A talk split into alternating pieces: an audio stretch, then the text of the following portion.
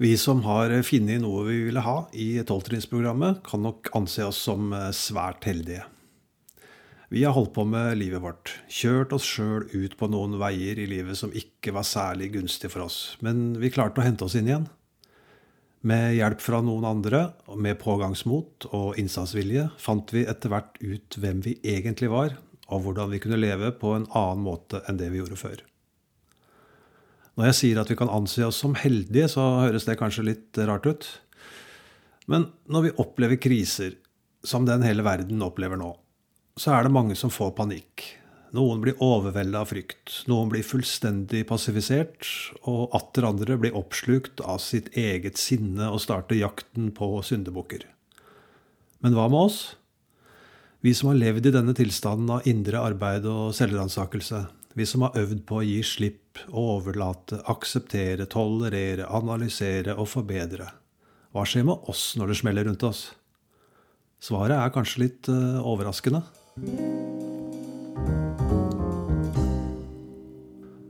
Hei, jeg heter Alexander, og jeg er rusavhengig.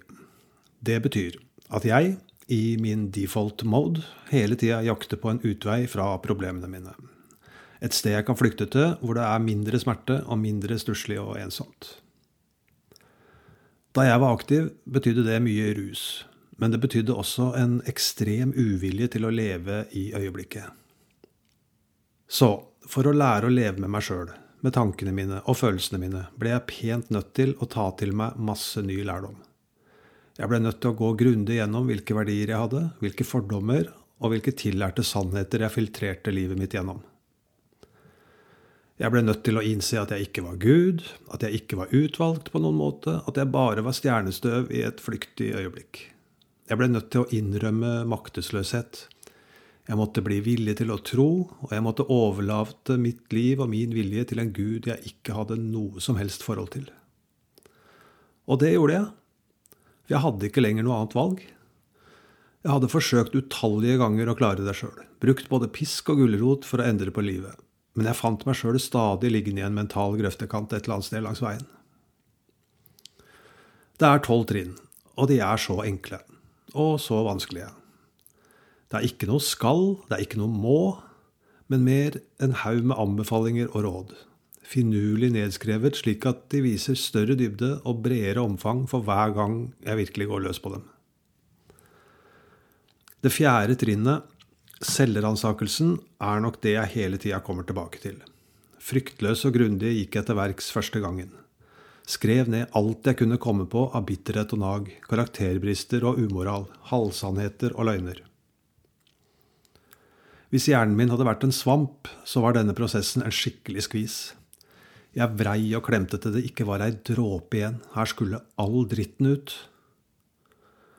Og alle dere som har gått gjennom denne prosessen selv, vet hvor godt vondt det der er.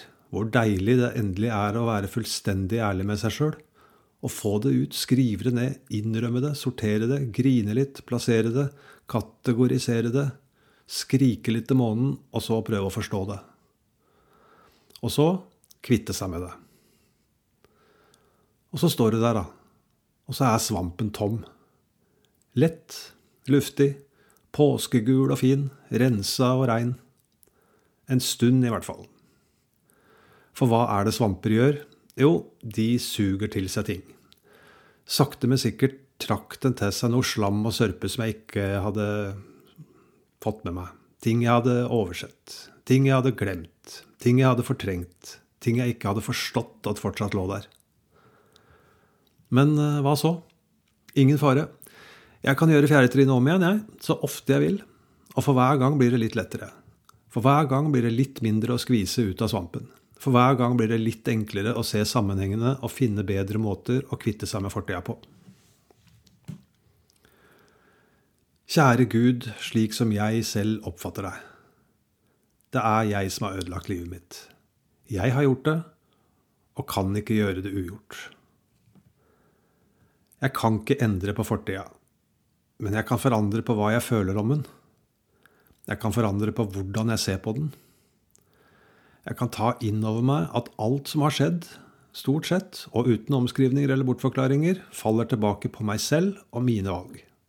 Mine verdier.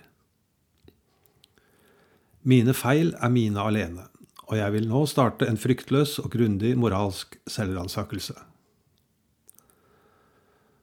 Og nå er det på tide å ta fullt ut ansvar for det, og gjøre noe, finne defektene og forsøke å utbedre dem.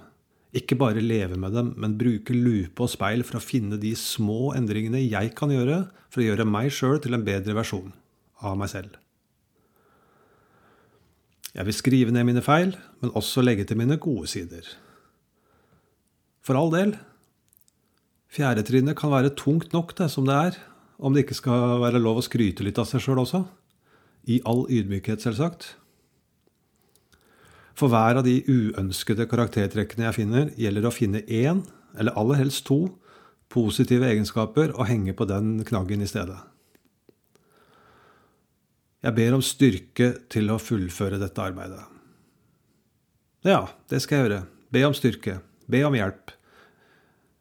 For å tømme huet for alt. For å få det ut. For å få det ned på papiret. Slippe det. La det fly av gårde.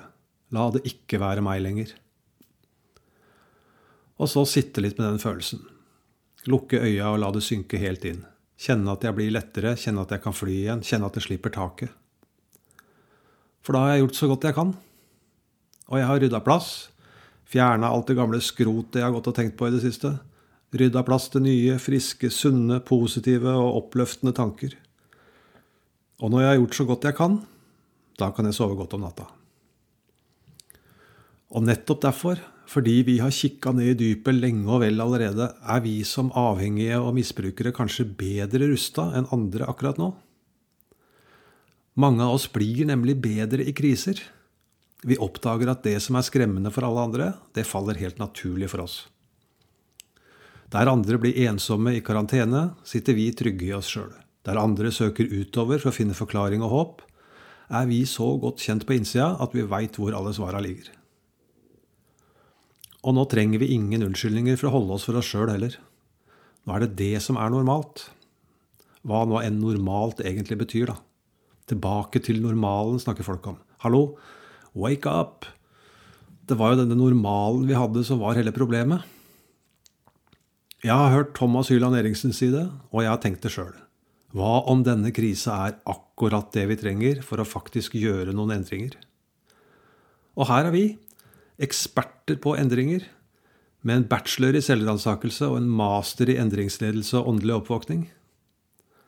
Så spre historia di. Hvis det ikke er nå, når er det da?